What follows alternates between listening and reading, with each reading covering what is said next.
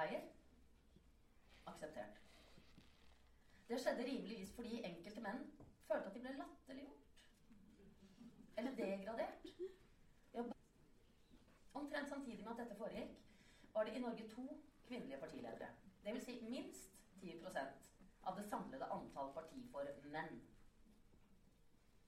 Hva ville ha skjedd for kvinner fordi vi ikke ville latterliggjøres eller degraderes gjennom en mannlig yrkesbetegnelse?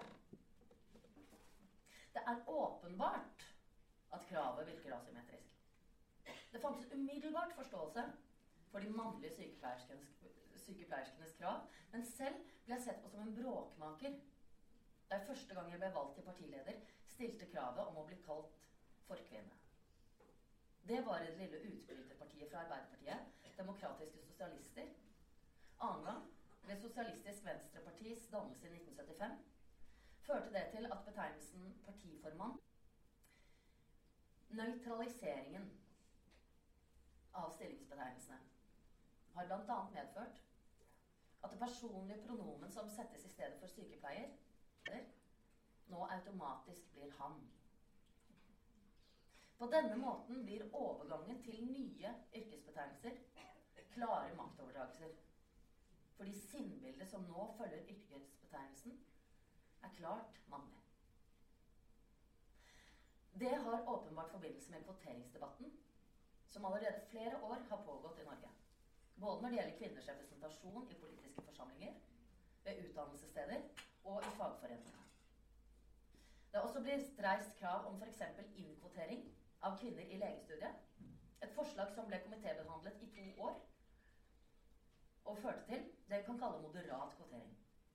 Det betyr at der mannlige og kvinnelige søkere står likt, vil den kvinnelige søker bli foretrukket. I komiteen satt det to kvinner og fem menn. De to stemte for radikal kvotering. Mennene, nøytralt betegnet som flertallet, stemte mot. En slik ordning står i grell kontrast til den ukontroversielle mannsinnkvotering som skjer i lærerskolene og til førskolelæreropptak. I over ti år har 10-40% av dem som opptas, skullet være menn. Selv om de fortrenger kvinner med klart bedre eksamensresultater. I enkelte førskolelærerskoler har det ført til at alle mannlige søkere har blitt opptatt, opptatt mens hundrevis av unge kvinner med bedre resultater har måttet vente i minst et år. Innkvotering av menn i kvinneutdannelser er blitt vedtatt stilltiende og uten komitébehandlinger. I alle de tilfeller hvor en ut fra symmetriske likestillingstiltak foreslår kvinner inn i mannsdominerte og sterke områder, får vi lange tirader fra mennene om at kvalifikasjoner alene må legges til grunn.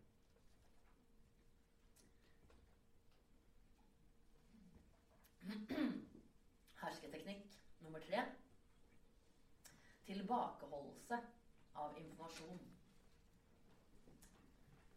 Opp gjennom tidene har kvinnene så å si alltid blitt forholdt informasjon om religiøse spørsmål og presteskapets hemmeligheter.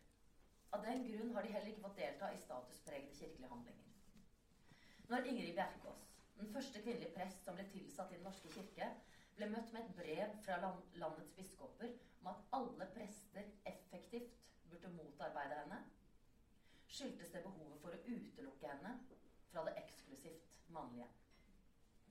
Det samme motiv lå bak vedtaket om å utelukke henne fra medlemskap i Presseforeningen. En viss besittelse av kunnskap innen legevitenskap og obstetrikk kostet mellom 8 og 18 millioner kvinner livet under kirkens hekseprosesser. Det var menn som slik skaffet seg monopol på legevitenskap opp til forrige århundre. Fram til i dag har det krevd en voldsom kamp fra kvinnenes side. For først å skaffe seg retten til allmennutdannelse, deretter rett til opplæring i skolefag, som f.eks. fysiologi og matematikk. Kampen er senere blitt ført videre for at kvinnene skulle få adgang til universitetene, og deretter for å få studere og praktisere medisin og teologi.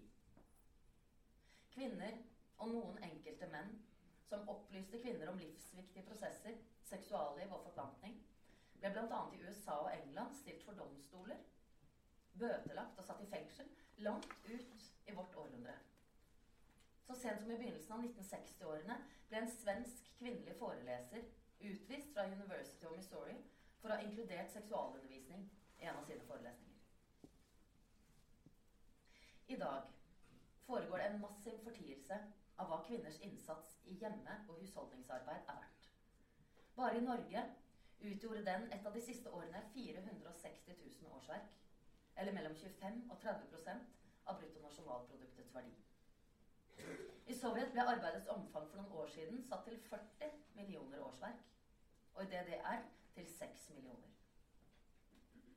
I Norge har sosiologen Kari Wærnes regnet ut det antall sykedager som ble ligget i Norge i løpet av et år, 1968. At av over 25 millioner sykedager ligget stammer ca. 11 millioner fra institusjoner der de syke ble pleiet av ansatte som fikk både lønn og sosiale rettigheter. De andre syke, som altså utgjorde flertallet, ble passet hjemme av ikke-betalte kvinner, hustruer, mødre eller døtre. Det er kvinnelige forskere fra en rekke land som har skaffet fram det meste av dette materialet.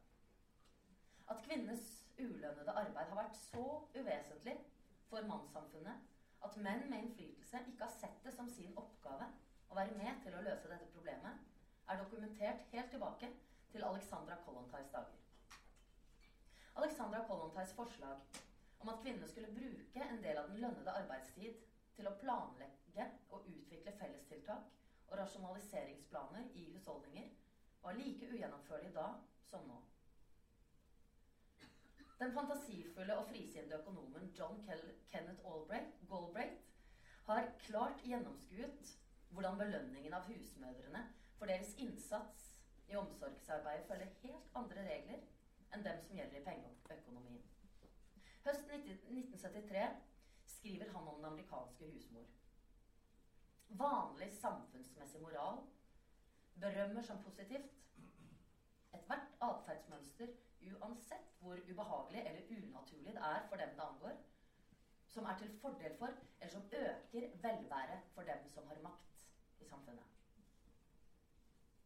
Den ulønnede produksjonen er av aller største betydning for dem som har makt. Ja, så viktig er det at informasjon om dets viktighet kan holdes tilbake fra dem som utfører det. Men det finnes nok av indikasjoner. Kvinnene blir selv oftere og oftere konfrontert med hva det koster når leid hjelp skal gjøre det som de selv har utført gratis. Småbarnsfedre har ved flere rettsavgjørelser fått tilkjent store erstatninger når deres koner er blitt drept ved ulykker. Disse summene er av en helt annen størrelsesorden enn de fleste enkepensjoner. Kvinner som blir presset til å forlate lønnet arbeid for å ta seg av skrøpelige ektefeller og slektninger, får både en forverret levestandard og en redusert alderspensjon.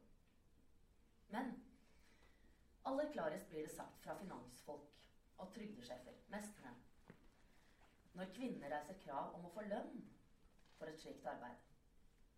Det finnes intet kommune- eller statsbudsjett som har plass til utbetalinger av en slik størrelsesorden, sier de. Men når stadig mer bevisstgjorte kvinner påpeker at menn sjelden utfører slikt barmhjertighetsarbeid på heltid, at ordningen er prinsipielt urettferdig, kommer det ofte en moraliserende replikk fra dem som drar fordel av kvinnenes atferdsmønstre. Ja, men hvordan skal det gå her i verden, sier de, om alt det mennesker gjør for hverandre, skal betales?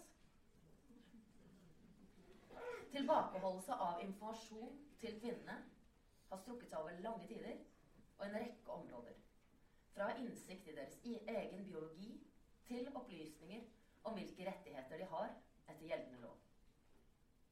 På kommuneplan bevilges det til statusarrangementer for idrettseliter, mens bevilgninger til hjemmehjelp til eldre er utilstrekkelige. Så lenge kvinnene ikke selv kjenner til hvordan det prioriteres, fortsetter de å samle kronestykker til hjelp for de fattige i u-land. Det finnes dessuten lite informasjon om de store fortjenester som hotelleiere, halliker og pushere gjør på prostitusjon. Og sist, men ikke minst viten om hva kvinner bidrar med av trivsel og velferd.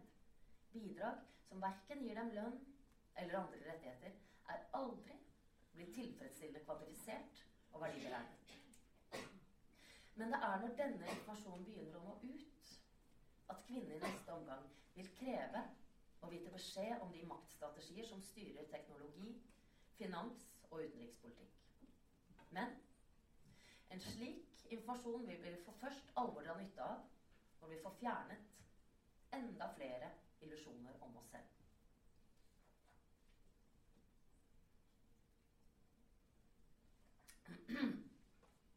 Hersketeknikk nummer fire dobbeltstraffingen. Det er det samme hva du gjør. Like galt blir det. Damn you if you do, and damn you if you don't. Denne hersketeknikken har fått sitt navn fra den amerikanske sosiologen Robert K. Merton. Han hevder at den alltid tas i bruk overfor den vi har fordommer mot. I sin mest outrerte form fører den til at en gruppe utsettes for fordømmelse både for en, en bestemt oppførsel og for den motsatte. Nazistenes propaganda mot jødene var nettopp kjennetegnet av denne teknikken. På den ene side ble det beskrevet som sensuelle og emosjonelle. På den annen side var de kyniske og følelseskalde kapitalister og politikere, henholdsvis i vest og i øst. På den ene side ble de beskyldt for å fungere i en lukket sirkel med egne hemmeligheter, finansielle hjelpeordninger og frimureri i alle land. Men samtidig ble det hevdet at ingen var så dyktige til å innsmigre seg i en verden av ikke-jøder, og at de infiltrerte og integrerte sine synspunkter i alle grupper og samfunnslag. Det finnes et par ganske klare forutsetninger for å manipulere så tilfeldig med straff og belønning.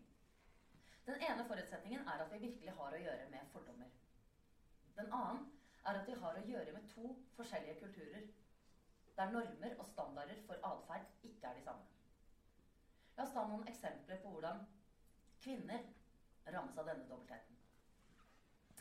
En hjemmearbeidende husmor med små barn, som kanskje både har 16 og 18 timers arbeidsdag, kan få høre at det er galt at hun ikke deltar i lønnsarbeid eller politisk virksomhet, for på den måten å ta samfunnsansvar. Det finnes også dem som kan fortelle henne hvor godt hun har det. Hvor mange timer hun bestemmer over per dag. Hvordan hun bør bruke dem til voksenopplæring. Til å besøke alle nære slektninger. Til å holde seg selv og huset i tipp topp stand. Og dessuten holde seg orientert om hva som skjer i verden gjennom litteratur, nyheter og aviser. Hvis hun ikke trekker til på disse områder, bør hun rett og slett Men så kan hun oppleve å bli fortalt at hun ikke fortjener det. For hun og alle andre lønnsarbeidende kvinner har gjort en like sterk innsats i fagforeningsarbeidet som menn. For kvinnene må føre sin egen kamp. Menn. Ingen sier det. La oss huske det. Om så denne kastearbeid om hvordan hun forsømmer seg, vil bli kriminell. Men det er allikevel de enslige forsørgere hardest. De som ingen reell valgmulighet. You if you do, and damn you if you don't. Selv har jeg opplevd den samme dobbelthet for lederskap. Det er å være til alle grupper. Men sto jeg på mitt, slåss med nebb og klør, der mye hånd over oss hele tiden. Dermed, utover en del, hadde de ikke tillit til de Hvis de ikke hadde det, var det ikke de følelsen også om objektstilte samfunn selges og kjøpes av ikke skremte kvinner. Berit Aas og Torp. Dem er det noen av dere som har turt å gjøre det? Så eh, man skal eh, Så er dette å f.eks. å kalle de homo Dette kan jeg ikke. I årene er være klar over at igjen så, eh, så er etter var for det. Tvers igjennom. Dette her er Går opp i kjøper På vei nedover så stopper han da. Vi har vært for mamma og pappa lærer å lære skal oppføre seg. Jeg, kaller det Hans Hansen, jeg. Jeg skjønner ikke dere Hans Hansen.